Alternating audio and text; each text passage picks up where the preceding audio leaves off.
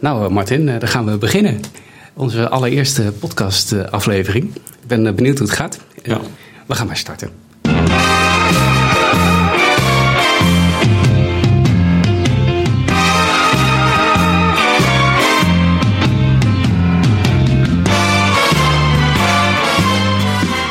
Goeiedag podcastluisteraars. Hartelijk welkom bij deze allereerste editie van DocTalk. DocTalk is de podcastserie die wordt gemaakt, mede mogelijk gemaakt door Havask.nl.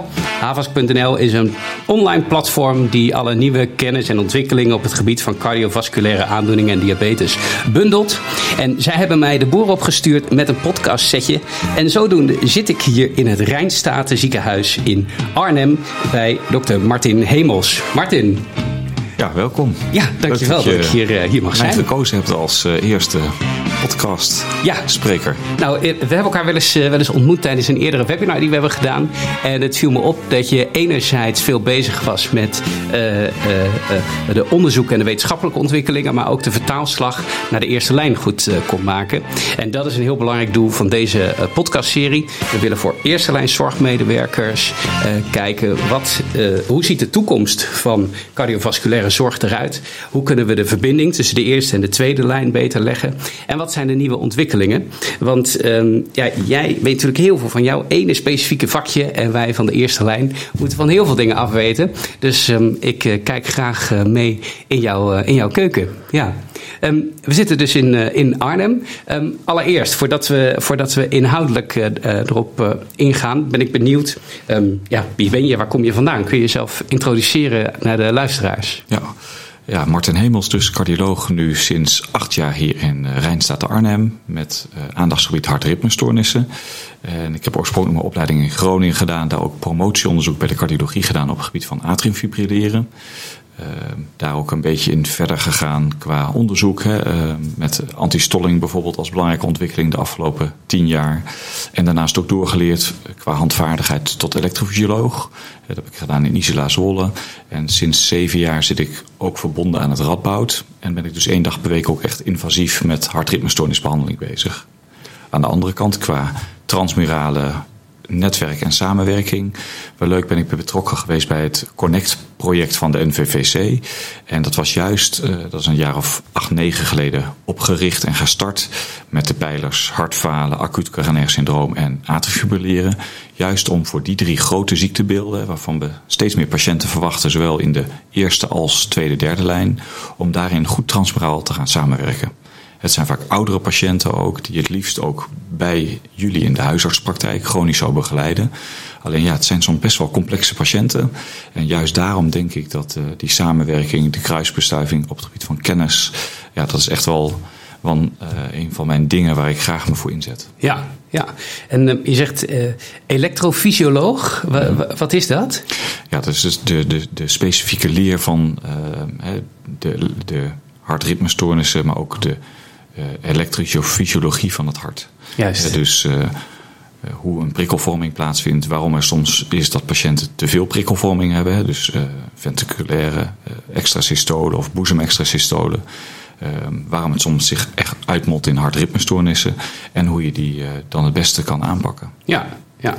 En um, als je kijkt naar uh, het voorkomen van hartritmestoornissen, is dat, is dat veranderd sinds het, sinds het begin van jouw opleiding?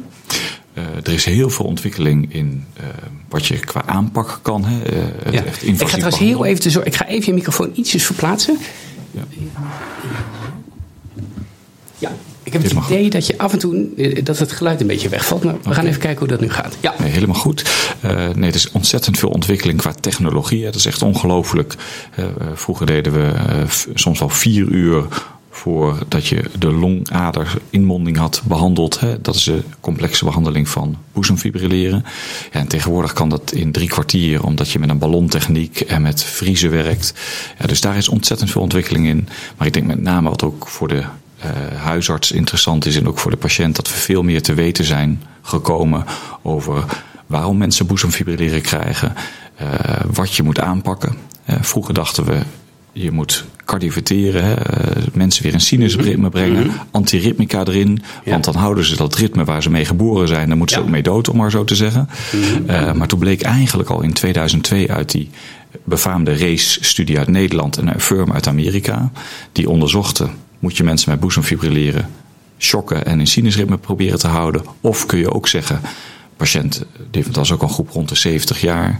Als je nou antistolling geeft en je doet de hartfrequentie op een bepaald niveau, hè, tussen de 80 en de 100.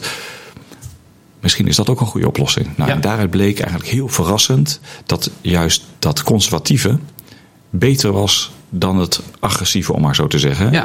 En dat zat mede in bijwerking van antiritmica, maar ook een heel belangrijk gegeven dat we destijds nog dachten, als je een maand na zo'n cardioversie je sinusritme nog hebt behouden als patiënt, dan kun je de antistolling weer stoppen. Ja. En we zagen dus ontzettend veel herseninfarcten, 6 tot 8 procent in die studies.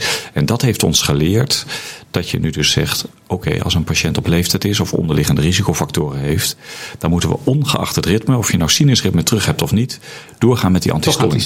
Ja. Nou, dat zagen we heel recent uit een grote studie in New England, een grote Europese studie, de EAST Trial ongeveer een vergelijkbare populatie. En dan zag je in de eindpunten dat nog maar 0,8% een herseninfarct kreeg. Dus het risico is niet nul geworden. Maar doordat we doorbehandelen met antistolling, ja. ja. zie je dat dat uh, risico dus echt uh, enorm verminderd is gelukkig. Ja, en als je nou zegt, want, want we, je zegt we waren geneigd om te denken, sinusritme is het ritme zoals het hoort te zijn. Dus als we dat doen, dan is dat het beste voor de patiënt.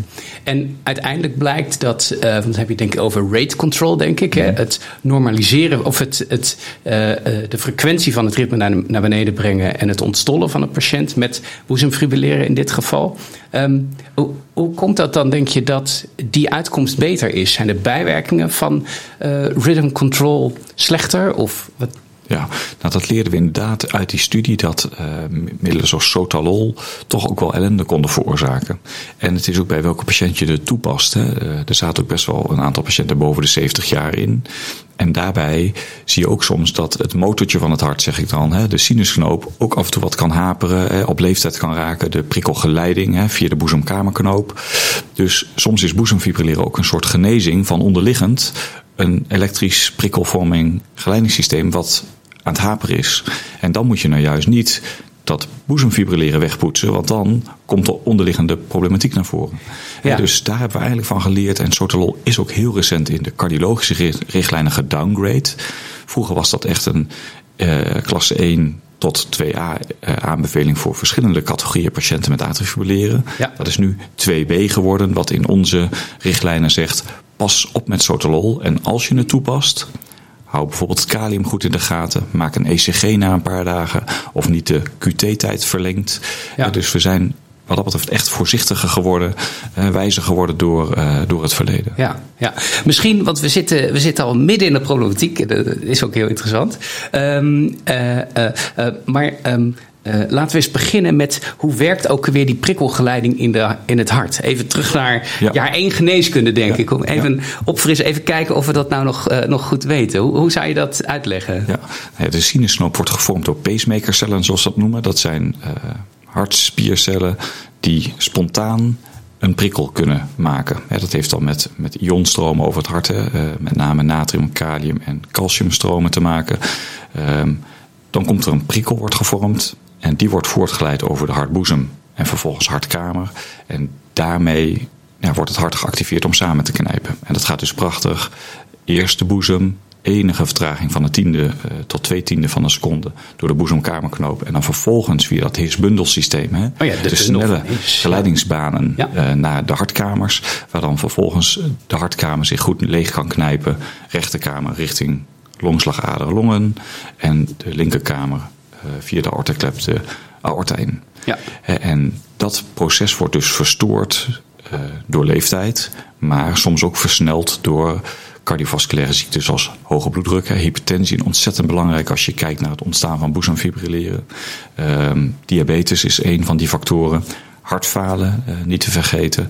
Ja. En wat we tegenwoordig vaker zien, hè, een van de moderne risicofactoren is toch ook al wel overgewicht. Wat vaak al ontstaat op jonge, middelbare leeftijd. Mm -hmm. En ook een soort stressor is. Hè. vetcellen zijn ook metabol actief, dus we zien tegenwoordig ook steeds vaker op de poli mensen met overgewicht. En dat ook bijdraagt aan het ontstaan van ja. hartritmestoornissen. Nou, dat overgewicht wil ik, wil ik straks nog ingaan. Want ik, ik had overgewicht eigenlijk altijd in mijn hoofd als een soort van indirecte risicofactor. In die zin dat patiënten met overgewicht hebben misschien ook een hogere bloeddruk, uh, hebben uh, een hoger risico op diabetes. Dus dat op indirecte wijze dat het risico op atriumfibrilleren zou verhogen. Maar je zegt nu eigenlijk dat het ook een directe risicofactor is. Ja, wat we zien is dat het absoluut zo is hè, dat, dat een groot deel van de patiënten met overgewicht vaak ook bijkomende ziekte heeft. Hè. Absoluut geassocieerd met ook de ontwikkeling van diabetes, hoge bloeddruk. Maar er is ook echt een categorie patiënten die nog best een vrije bloeddruk heeft, maar toch al jaren met dat overgewicht kampt. En dan kan de eerste presentatie van eindorgaanschade, wat ik dan een beetje zo hmm. de zaakjes noem, dat kan boezemfibrilleren zijn. Ja. En eh, ja, dat is wel een ding. Kijk, en je hebt natuurlijk de zeldzamere elektrische hartziekte. Hè. Eh, dat is echt iets meer voor de tweede, derde lijn. Ja. Waarbij er een aangeboren probleem is in de ionkanalen of uh, anderszins, waardoor hartspiercellen anders gevormd zijn en patiënten op jongere leeftijd al met problemen komen. Ja. Maar wat voor de huisartsenpraktijk in de chronische behandeling, ja, dat, dat is dus die boezemfibrilleren, zo'n klassieke uh, categorie. Want waar, waarom, wat, wat gebeurt er in die geleiding dat het gaat fibrilleren? Ja, nou, dat is eigenlijk tweezijdig. Uh, patiënten die uh, bijvoorbeeld hoge bloeddruk hebben, dan ontstaat er wat meer rekdruk in die hartboezem. En hartboezems kunnen per definitie niet tegen hoge druk. Er is, normaal gesproken is er een maximale druk van 10, 12 mm kwik. En ze geven het bloed door aan de hartkamer. Dan sluiten klep en dan bouwt zo'n hartkamer, met name de linkerkamer, druk op. En dat vormt de bloeddruk. Dus dat gaat wel tot uh, echt tientallen uh, millimeters kwik. Stel iemand heeft hoge bloeddruk of bijvoorbeeld een mitrale insufficiëntie, ja, dan komt die boezem ook onder hoge druk te staan. En daar kan zo'n hartboezem dus niet goed tegen. Mhm. En wat ze dus midden jaren 90 uh, eh, hebben ontdekt, eind vorige eeuw, dat dan juist het overgangsweefsel van linker hartboezem naar een longader, hè, daar waar de vier longaders inmonden in de linker atrium. Mhm. Dat overgangsweefsel, ja, dat, dat, daar ontstaat kortsluiting, om maar zo te zeggen. Dat gaat dan zelf uh, korte uh, prikkels maken, atriale tachycardietjes. Ja. En dat is als het ware de startmotor voor boezemfibrilleren vaak. Juist. Ja, en je hebt ook wel eens een patiënt van 80 en die heeft uh, lang ook hypertensie gehad en daarbij is de boezem ook sterk vergroot geraakt. En dan heb je niet altijd meer die longvaten als startmotor nodig, hè, die, eh, die prikkelvorming daaruit. Mhm. Dan kan het ook spontaan ja, uh, een, een, een, chaos worden, ja. omdat er allemaal littekentjes zitten in die hartboezem.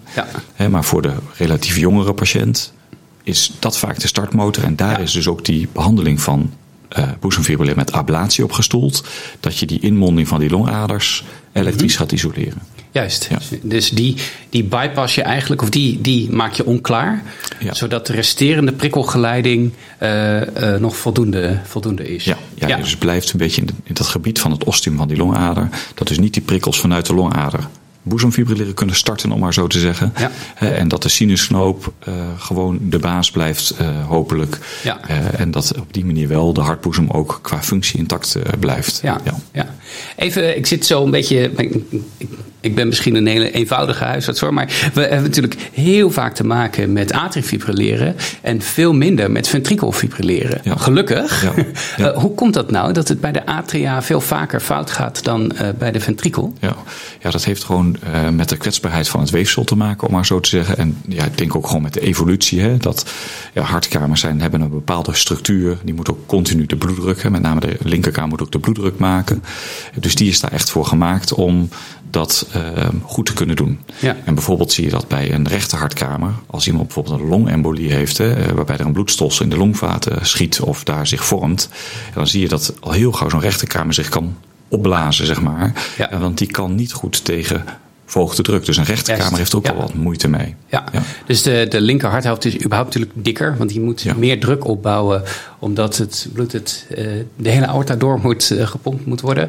Maar daarmee lijkt het ook wat, lijkt de prikkelgeleiding wat beter beschermd en behouden in de loop van de, in de, loop van de tijd. Ja. ja. Ehm, als je het hebt over risicofactoren voor atriumfibrilleren, um, we hadden het over bloeddruk. En dat heeft dan dus vooral te maken met dat als de druk in de atria te hoog wordt, dat die prikkelgeleiding negatief beïnvloed wordt. Um, als we hebben over andere uh, risicofactoren. Uh, overgewicht hebben we uh, benoemd. Mhm. wat zou je nog meer als het belangrijkste aangeven? ik denk hartfalen is een hele belangrijke, juist ook de komende jaren ook. Hè. We worden allemaal met z'n allemaal gelukkig ouder. Hè. Ja. Ehm, maar op een gegeven moment gaat ook die hartkamer dus wat veranderen van structuur. Die kan soms wat uitzetten. Waardoor ook de hartkleppen niet meer goed sluiten tussen uh, kamer en boezem. En dat kan ook weer aanleiding geven tot een verhoogd risico op atriumfibrilleren. Ja. En ook, ook die hele stressreactie zelf, hè, het, het aanzwengelen van het renine-angiotensine systeem, ja, kan daar ook uh, toe bijdragen. Ja. Want, want geeft, geeft uh, atriumfibrilleren nou hartfalen of geeft hartfalen nou atriumfibrilleren? allebei. Okay. Dat is wel interessant. Hè? Als, als, als iemand uh, als eerste presentatie atriumfibrilleren heeft met heel snel kamervolgen. Mm -hmm. ja, op een gegeven moment raakt die hartkamer daarvan uitgeput. Hè, en dan noemen we dat een tachykardiopathie. Dat is gelukkig vaak als dat de enige oorzaak is van uh, dat de hartkamer uitzet, is dat goed reversibel. Mm -hmm. Namelijk dan geef je een periode rate control. En uh, bij jonge mensen ga je dan ook al vaak voor een cardioversie als die hartkamer enigszins hersteld is om het proces van herstel te versnellen. Ja. En dan zie je dat dat heel goed op kan knappen. Maar dat is dus een klassiek voorbeeld van hoe boezemfibrilleren hartfalen kan geven. Ja. Uh, maar het is ook vaak wel een samenspel van leeftijd, risicofactoren. Ja. Tegenwoordig zien we steeds vaker de presentatie van de oudere dame of heer met een wat, wat meer stijve hartkamer. Hè? Dus dat meer ja. diastolisch falen. Wat ook weer die drukverhoging geeft. Hè? Eerst in de hartkamer, maar dat kan dus ook doorgegeven worden weer aan die hartboezem. En zo kan de hartkamer ook boezemfibrilleren geven. Ja, ja. want um, uh, dat is ook een interessante. Er komen, er komen weer allemaal dingen uit mijn kooschap naar, naar boven. Van, oh ja, hoe zat het ook weer? Links, uh, linkszijdig hartfalen, rechtszijdig hartfalen, mm -hmm. uh, preload, afterload. Um, hoe zat dat? Want um, ik heb vaak de indruk dat we als huisartsen spreken over hartfalen als, als één aandoening. Ja. is dat ook zoals jullie er als cardiologen naar kijken? Ja. Nou ja, veel is toch wel terug te voeren het klassieke hartfalen op linkerkamerfalen. En um, dat, dat betekent, zeker als het ook erom gaat dat er drukverhoging plaatsvindt. Hè, en natuurlijk spelen er ook andere factoren vaak een rol. Hè, onderliggende ziekten die al een periode spelen, zoals hypertensie.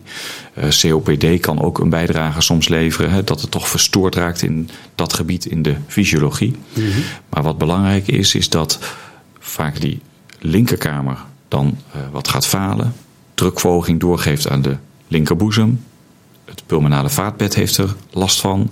En zo wordt als het ware die verhoogde druk doorgegeven, waardoor die rechterkamer daar ook last van gaat krijgen. Die krijgt ja.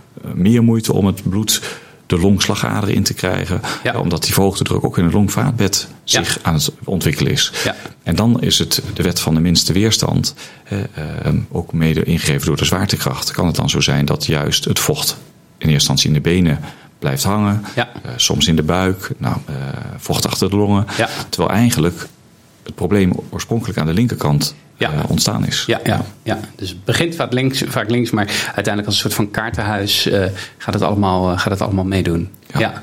ja. Um, voordat we toegaan naar uh, hoe we dit allemaal gaan oplossen. um, uh, uh, wat, wat, kunnen wij doen als huisartsen om de, nou ja, de, de ellende die, die we als eerste lijnsmedewerkers, maar ook jullie als cardiologen zien te, te voorkomen? Zit dat dan, dan met name op leefstijl? Ja, ik denk dat het gewoon ontzettend belangrijk is. We weten het allemaal. En uh, ik zeg niet dat we er niet aan werken. Ik denk dat we het ook wel noemen. Ja. Hetzelfde is geweest natuurlijk met stoppen met roken. Toch blijven aangeven van uh, uh, proberen aan te werken. Ja. want ja. het is met obesitas net zoals met hypertensie. Je kunt er jarenlang mee rondlopen zonder dat je er last van hebt. Maar uiteindelijk ja, zorgt het gewoon voor vroegere slijtage, zeg maar, dan noem ik dan vaak Ja. ook het voorbeeld van. Dat kan, wij spreken, hè, voor je gewrichtstelsel eh, gelden, maar dus ook zeker ook voor je, voor je hart-vaatstelsel. Ja, Ja. ja. Nee, dus leefstijl. ehm, eh, eh, ik, ik vind vaak dat op het moment dat je met collega's uh, uh, hebt over aandoeningen of behandelingen, uh, dan wordt er heel vaak zo even tussen neus en lippen gezegd: ja, we beginnen natuurlijk met leefstijl en dan vervolgens hebben we het een half uur over nieuwe medicijnen.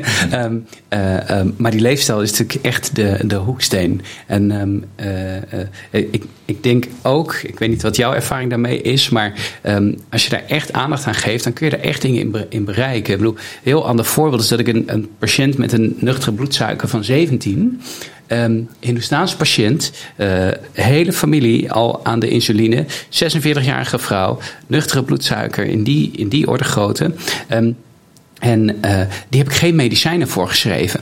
En um, uh, ik heb een heel lang gesprek gehad over, over leefstijl. Ik heb er de volgende dag laten terugkomen. ze zijn met het hele gezin anders gaan eten, anders gaan bewegen. En uh, nou, die vrouw heeft geen diabetes meer. En dus waarschijnlijk ook een veel lager risico op atriumfibrilleren, decompensatiekoordes en dergelijke. Ja. Um, uh, en toen ik met haar evalueerde, toen um, uh, zei ik: Goh, wat, wat vond je ervan? voorschreven in dat eerste gesprek. En toen zei die vrouw: mijn zus, die al tien jaar diabetes heeft, die zei: Jij moet naar een andere huisarts, want deze is niet goed. Omdat ze zo gewend waren: ja, je hebt diabetes, dus uh, uh, je moet pillen. En uh, over een korte tijd ben je aan de, aan de insuline. Maar als je echt gaat zitten voor leefstijl, dan denk ik echt dat je daar iets kun, in kunt bereiken. Met name ook op het moment dat je het systeem meekrijgt en een partner. Of, um, want ja, ze, ze eten vaak hetzelfde. ja. Nou ja, dat is denk ik ook de kracht van de huisarts. Hè, die, die kent vaak de patiënt beter, uh, kent vaak uh, de omgeving eromheen. Uh, en je moet precies eigenlijk wat je aangaf, je had de, de, goede snaar geraakt bij die mevrouw, zeg maar. Dat is de kunst. Hè? Ja. Um, ja. En, en daarbij is het zeg maar ook is in de goede spiraal gekomen, zeg maar, in de opwaartse spiraal. Ja, ja. Ik zie ook wel eens patiënten die zeggen van ja, ik probeer al jaren af te vallen, het lukt echt niet. Er moet nu iets gebeuren. En dan is het voor mij al een stuk moeilijker uh, om daar in dat ja. proces in te breken. Dus juist eigenlijk zeg je juist wij in de eerste lijn. En uh, daarin moeten we zeker ook de praktijkondersteuners niet onderschatten, want die hebben vaak nog drempellozere communicatie met de patiënt. Want die, um, ik denk dat patiënten door de bank genomen minder, uh, ja, minder drempel voelen in communicatie naar een praktijkondersteuner. Um, uh, uh, dat op het moment dat we daar de kans niet grijpen, dat het op het moment dat je eenmaal in de tweede lijn zit, eigenlijk veel lastiger is om terug te vallen op die basale dingen. Ja omdat je dan al vaak met een hoop comorbiditeit, bijkomende aandoeningen of klachten zit. Of de klachten dusdanig verergerd zijn dat uh, uh, leefstijl niet meer voldoende, voldoende is. Nee. Dus juist wij in de eerste lijn. Ja, ja. ja. Nou, wel heel grappig uh, om daarop in te haken. Gisteren had ik, of nou ja, grappig, uh, het paste heel mooi bij. Gisteren had ik een patiënt, kreeg ik dan op pre-ablatiegesprekken. Mijn collega's als die zeggen van nou deze komt waarschijnlijk van aanmerking van ablatie, komen ze bij mij op de poli. Dus die zag na de huisarts, cardioloog, een volgende cardioloog richting invasieve behandeling. En die patiënt had eigenlijk weinig onderliggende risicofactoren, alleen wel een body mass index van 33. En dat was een patiënt van, ik geloof, rond de 50. En toen zei ik tegen hem, ik zei, ja, we kunnen die behandeling doen. Maar ja, zolang dat overgewicht er is, ben ik bang dat het niet beklijft. Hè, dat dat toch wel weer terug zou kunnen komen. Hè. Daar heb ik ook dat uitleg gegeven over dat nou ja, vetcellen ook metabol actief zijn. Dat dat echt ook voor je langere toekomst gezonder is om daar toch wat aan te doen. En over het algemeen gaat het heel goed hoor. En zijn ze zich heel erg ervan bewust. Maar deze patiënt was het toch echt wel een eye-opener. Die zei van nou, dat is me eigenlijk nog niet eens zo nadrukkelijk verteld dat die ja. relatie daar zo duidelijk is. Ja. En toen hebben we dus ook afgesproken dat hij er toch eerst nog een keer goed aan ging werken afspraak over drie maanden opnieuw en dan ja. verder kijken. En dat durfde ik ook te zeggen, omdat we uit wetenschappelijk onderzoek, hè, de Legacy Trial was een, best wel een befaamde trial inmiddels van enkele jaren geleden, die liet gewoon zien, als het je lukt om dan dat gewicht echt minimaal 10% naar beneden te krijgen, ja. dan zie je ook een stuk minder atriumfibrilleren optreden. Ja, ja. En dat heb ik hem ook meegegeven. Kijk, en ik heb ook gezegd, als het niet lukt, moeten we opnieuw spreken. Ja. Maar als het je wel lukt, ja, dan kan het je enorm helpen. Ja, ja, dus um, overgewicht als, als uh, of eigenlijk uh, uh, het reduceren van overgewicht als directe behandeling. Ja. In plaats van een ablatie of, of iets dergelijks. Ja, ja. Ja. ja, dat is natuurlijk fantastisch als je dat voor elkaar weet te, te krijgen. En goede uitleg helpt daar denk ik heel erg bij. Want je zegt, er is gewoon goed onderzoek naar gedaan. Dat uh, kan je dus heel feitelijk van zeggen. Als je uh, 10% gewicht verliest, uh, reduceer je je risico op, op atriumfibrilleren. Ja. Hmm, ja, ja, En zeker op die jonge leeftijd. Hè. Dit staat in onze richtlijnen. Als mensen echt klachten hebben, juist die mensen op jonge leeftijd reageren vaak goed op een ablatie. Absoluut waar. Alleen, eh, je hebt dan nog een heel leven te gaan.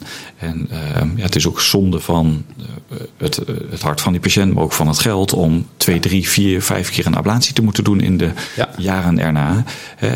Zo'n behandeling kost ook naar schatting zo tussen de 8.000 en 10.000 euro. Ja, dat is ook niet niks om maar zo te zeggen. Nee, nee, nee. nee, nee. een glie van financieren. Weet je wat een glie is? Ja, de, ja, de, de gecombineerde leefstijlinterventie. Ja. ja, precies. Ja. precies ja. Nee, in Den Haag zijn er nieuwe initiatieven uh, waarbij dat steeds meer, uh, meer onder, uh, ondersteund wordt. Ik denk dat daar ook een, een world to win is, zal ik maar zeggen. Ja, ja. En um, wat ik me nog afvroeg, we hebben het over, over leefstijl uitgebreid gehad. Um, uh, als we kijken naar de medicamenteuze behandeling, als we het bijvoorbeeld hebben over, over hartfalen. Um, uh, uh, ik moet eerlijk zeggen dat als uh, eenvoudige huisarts, dat je bij, bij hartfalen toch heel vaak geneigd bent om te denken in: um, is, het, is de hartfrequentie goed? Um, uh, uh, doe ik iets met diuretica. En dat je dan eigenlijk als huisarts al vrij snel denkt: nou, dat is ongeveer wat, uh, wat wij er, er nu aan doen. Eventueel nog iets met een steunkous. Of, um, maar um, het zit toch heel vaak, als wij een patiënt zien met klachten van decompensatie cordis, dan is het heel vaak dat ze wat benauwd zijn en dan geven we wat extra diuretica. Ja.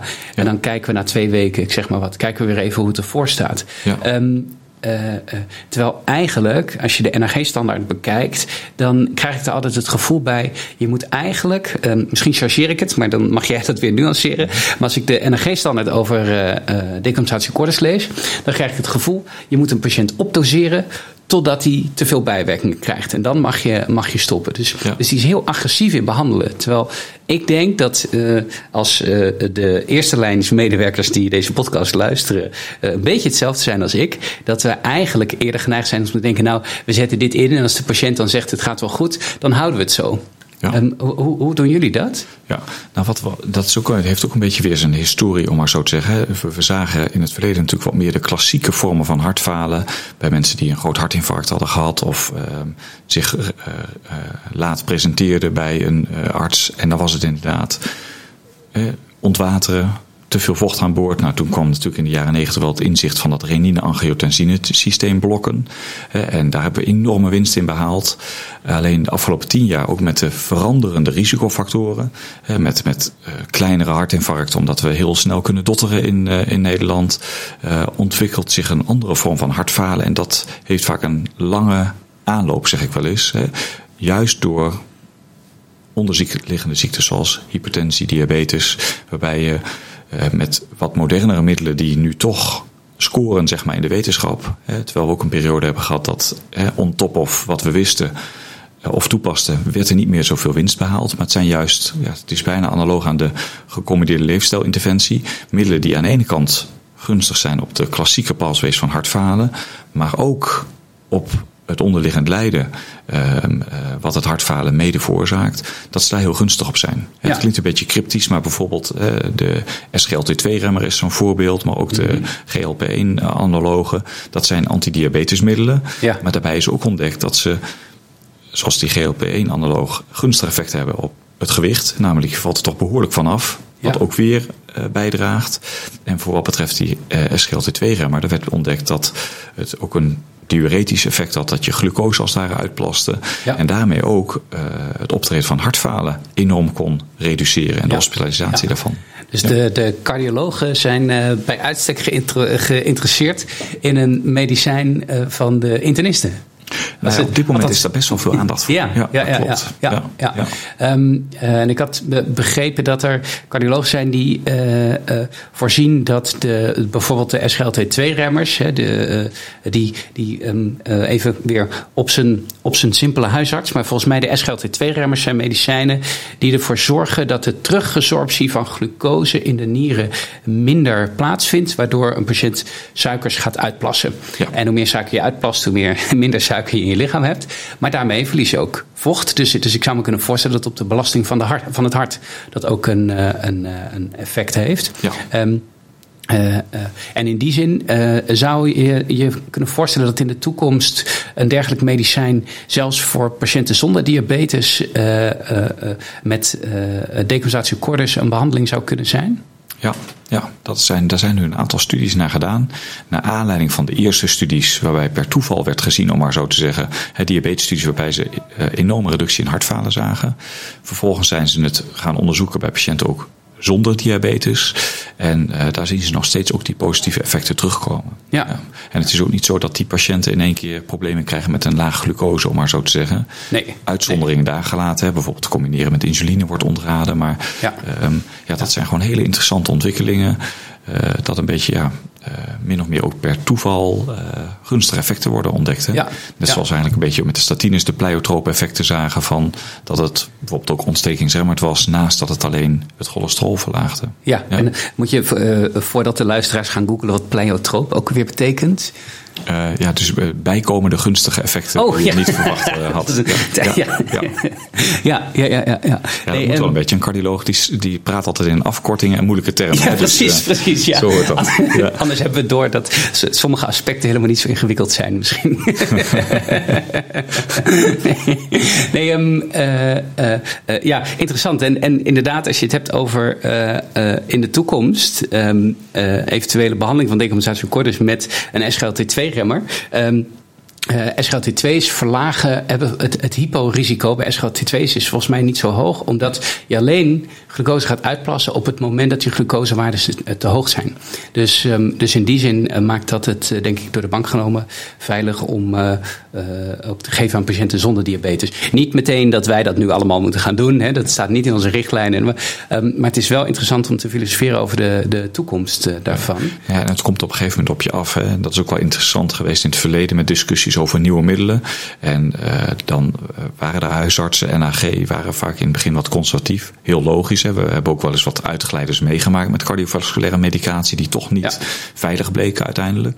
En, maar ik denk op het moment dat dit soort middelen in de richtlijnen komen van de cardioloog. Nou, dat zit er nu bijvoorbeeld ook weer aan te komen. Hè. Voor hartfalen komt er in augustus weer uh, een nieuwe richtlijn uit.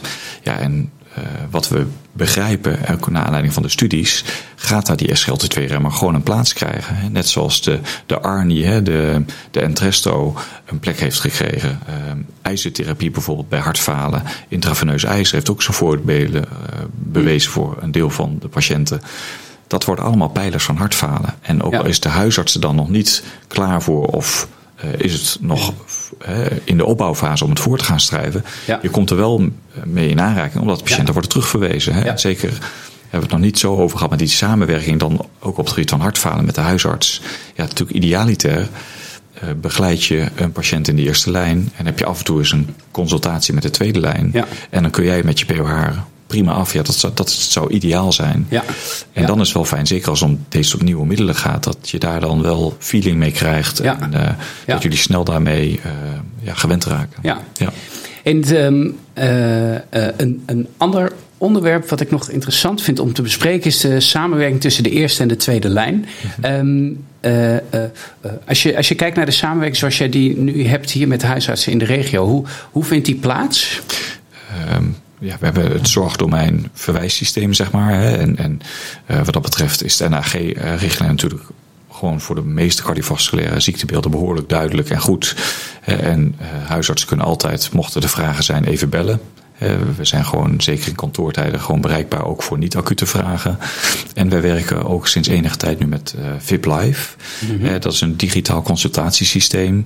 Dat ook voor patiënten die bij ons beiden bekend zijn of die terugverwezen zijn, maar dat er toch nog een vraag is digitale consultatie kan plaatsvinden. Ja. En op die manier kun je ook voorkomen dat de patiënt ten onrechte weer in de tweede lijn belandt. En maakt het ook wat makkelijker om de soms iets complexere patiënt wat eerder terug te krijgen bij de huisarts. Ja, ja.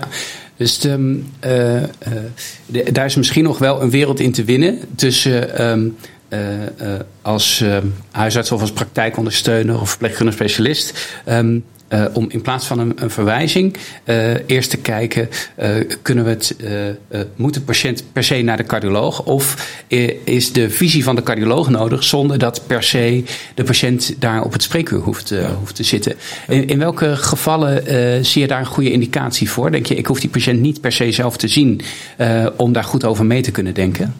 Um, ja, een voorbeeld wat regelmatig langskomt is dat een huisarts in principe best zelf de aanpak kan doen, maar dan toch nog even twijfelt, dan heb ik, zie ik iets over het hoofd, hè, zou jij het ook zo doen?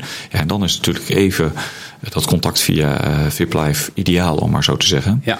en uh, omgekeerd geldt het ook. Heb je een patiënt die eigenlijk het liefst terug wil verwijzen, maar nou, toch wel bepaalde afspraken wil monitoren of uh, er komen toch vragen terug, ja. ja dat dan de huisarts een, een makkelijke ingang heeft, om ja. zo te zeggen. Ja, ja, ja, ja. ja. en, en teleconsultatie, ik denk ook uh, afhankelijk van uh, wanneer de luisteraars deze podcast luisteren en hoe we dan in deze pandemie zitten. Hm. Um, uh, maar ik denk juist in deze tijd dat het uh, uh, heel handig is om even korte lijnen te hebben met, met een specialist. Om even te kunnen filteren. Um, kan ik deze patiënt veilig bij me houden? Of hoort deze patiënt echt in de, in de tweede lijn?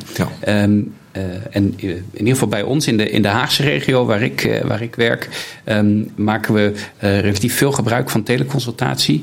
En um, dat helpt mij echt goed om een shifting te maken van wat is zinvol om te verwijzen en, en wat niet. Ja. Ja. Het helpt zeker en het is een beetje al ingegeven hè, door ehm, de POH en de huisartsenpraktijk. Nou, we hebben de afgelopen jaar heel veel met een hartfalenverpleegkundige gewerkt. Ja. ja en die zit zo in dat ziektebeeld. Hè, en dat helpt enorm. Ja. Kijk, en dat is ook, hè, uh, jij bent dan een uh, huisarts die ook echt extra geïnteresseerd is in het cardiovasculaire problematiek. Mm -hmm. En je hebt ook huisartsen die meer andere expertise hebben. Ja. ja en voor hen is het natuurlijk veel moeilijker om, uh, om zo'n patiënt te begeleiden dan iemand die daar echt ja. meer feeling bij heeft. Ja. En daar moet je gewoon voor, ja, in de, iedere individuele huisartspraktijk of huisarts kun je dan daar op afstemmen. Ja, ja, ja, ja. ja. Um, we zijn uh, eh, 36 minuten onderweg. Um, hoe vind je het gaan? Ja, hartstikke goed. Leuk. ja, ja. Nou, uh, uh, we, we, leren ervan. Ik, ik, leer technisch hoe, hoe dit gaat. En hoe, want ik kan, als ik op een verkeerd knopje druk, dan, dan komt er bijvoorbeeld ineens andere muziek. dus daar leer ik van. Maar ik leer ook van, van jouw verhaal. Um, uh, is er iets waarvan jij zegt, zo'n beetje in conclusie, van god, dit is iets uh, wat ik in de samenwerking met de huisartsen vaak zie, of dit, dit is wat ik in de, op het moment dat de patiënt naar mij wordt verwezen, dat ik denk, oh, dit is eigenlijk een gemiste kans, of dit had al eerder opgepakt kunnen worden. Wat zou je ons als eerste lijn zorgmedewerkers willen, willen meegeven? Ja, um, ik denk dat is de waan van de dag voor iedereen. We hebben een drukke praktijk. We zien steeds meer patiënten dan in het ziekenhuis met cardiovasculaire aandoeningen. Jullie ook uh, steeds meer de taak van chronische zorg. Maar we moeten juist die patiënt in het voorland van een mogelijke aandoening niet vergeten. En ik denk daar is ook wel wat meer aandacht voor. Hè. Er is nu ook een, een, een groot landelijk initiatief. Uh, de Dutch Cardiovascular Alliance is zo'n consortium van allerlei partijen die daarbij betrokken zijn. Uh, in samenwerking ook met onder andere de Hartstichting. Uh, en Zon en W is daar ook in betrokken. Dat we meer willen naar welke ziektebeelden kunnen we nou mogelijk vroegtijdig opsporen? Of welke interventie moeten we in een vroeg stadium doen hè, om ziektelast te voorkomen in de toekomst. en ik denk dat dat een item is. Maar goed, door de corona hebben we het dubbel zo druk op dit moment. Mhm. Maar we zijn wel in voorbereiding met elkaar. Hè. Daar zijn ook ja. van de uh, NAG, LAV bij betrokken. Van, Kunnen we naar een toekomst van de zorg, zeg maar. Waarbij we dus tijdig aandacht hebben voor risicofactoren, ja. uh, interventies kunnen uh, plegen. Uh, om die, ja, die burden, weer zo'n term, hè, om de ziektelast die ja. op ons afkomt natuurlijk, een beetje behapbaar te krijgen. Ja, ja. Toen ik, um, ik ben ook huisartsopleider en toen ik mijn eerste AIOS ging opleiden, dan heb je af en toe zo'n terugkomdag onderwijs. en toen was er een opleider die, die dat al heel lang deed, die dat volgens mij ook heel goed kon, maar die wel tegen zijn pensioen aan zat en um, die op een gegeven moment zei: Ja, preventie, preventie, dat is niet de taak van de huisarts. Dat doet de GGD maar lekker. Ja. En toen dacht ik: Ja, ik denk dat toen jij opgeleid werd, dat dat inderdaad zo was. Maar ik denk juist dat preventie zo ontzettend bij de, bij de huisarts wordt. Uh, thuis hoort. Um, en dat met name ook de praktijkondersteuners daar zo'n belangrijke rol in spelen. En wat wij überhaupt als hele eerste lijn uitdragen naar onze, onze patiënten. Um, uh, daar is echt wel een, uh, een wereld te winnen. Um, ik denk dat als we daar voldoende aandacht voor hebben, dat we inderdaad heel veel andere ellende kunnen, kunnen voorkomen. En in, in, in coronatijden, uh, er, er, waren periodes dat mijn spreekuur leeg was. Dat ik alleen maar telefonische consulten had. Um, of eventueel een videoconsult. Maar dat is natuurlijk heel anders. En uh, wij zijn met onze praktijk hebben we zo snel mogelijk besloten om, uh, als dat maar enigszins veilig kon, toch zoveel mogelijk weer fysieke consulten te doen. Ja. Met extra uh, gaatjes tussen spreekuren, dat de wachtkamer niet vol wordt, met mondkapje. Met, maar um, uh, wij moeten onze, uh, als we onze preventieve taak en onze, uh, of onze secundaire preventie, hè, het, het of het vervolgen van lipiden, als we dat uh, niet belangrijk genoeg vinden in coronatijden, uh, dan gaan we daarmee nog een heel uh, scala aan andere problemen creëren. Ja. Ik, ik, ik, hoorde ergens in de wandelgang al dat vasculaire chirurgen al meer problematiek zien wat betreft als secundaire schade door cardiovasculaire aandoeningen, amputaties.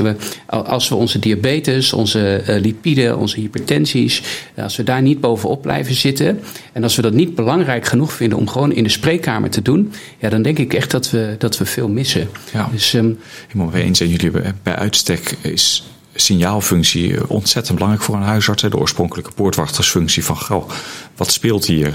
En jullie hebben natuurlijk ook heel erg moeten concentreren op de zorg eromheen van de chronische uh, patiënt, om maar zo te zeggen. Maar bij uitstek ja, moet je toch uh, weer die taak proberen toe te eigenen, om maar zo te zeggen. En uh, met fysiek contact, ja, dan kom je zoiets veel eerder op het spoor. Ja. En ja. dan kun je er ook tijdig bijsturen. Ja, ja, want iemand motiveren voor iets wat in de toekomst mogelijk kan gaan gebeuren. En ze moeten een hand pillen slikken, hè, of ze moeten een heel programma in. Ja, dat is een stuk moeilijker dan iemand die bij ons op tafel komt met een hartinfarct.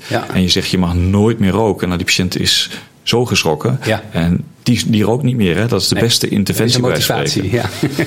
ja. ja. Ja, ja, ja.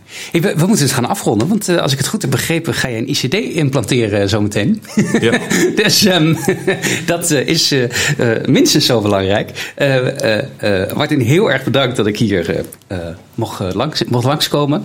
En dat je ons hierover wilde vertellen. Um, ik hoop dat het voor de luisteraars thuis net zo boeiend en leerzaam was als dat ik het heb ervaren. En um, uh, misschien zien we elkaar binnenkort weer eens bij een andere nascholing. Uh. Helemaal goed. Graag gedaan. Erg leuk zo. Ik, uh, ik ga het, het outro-muziekje proberen. Maar dan moet ik wel het goede knopje hebben. Even kijken of dat lukt. 1, 2.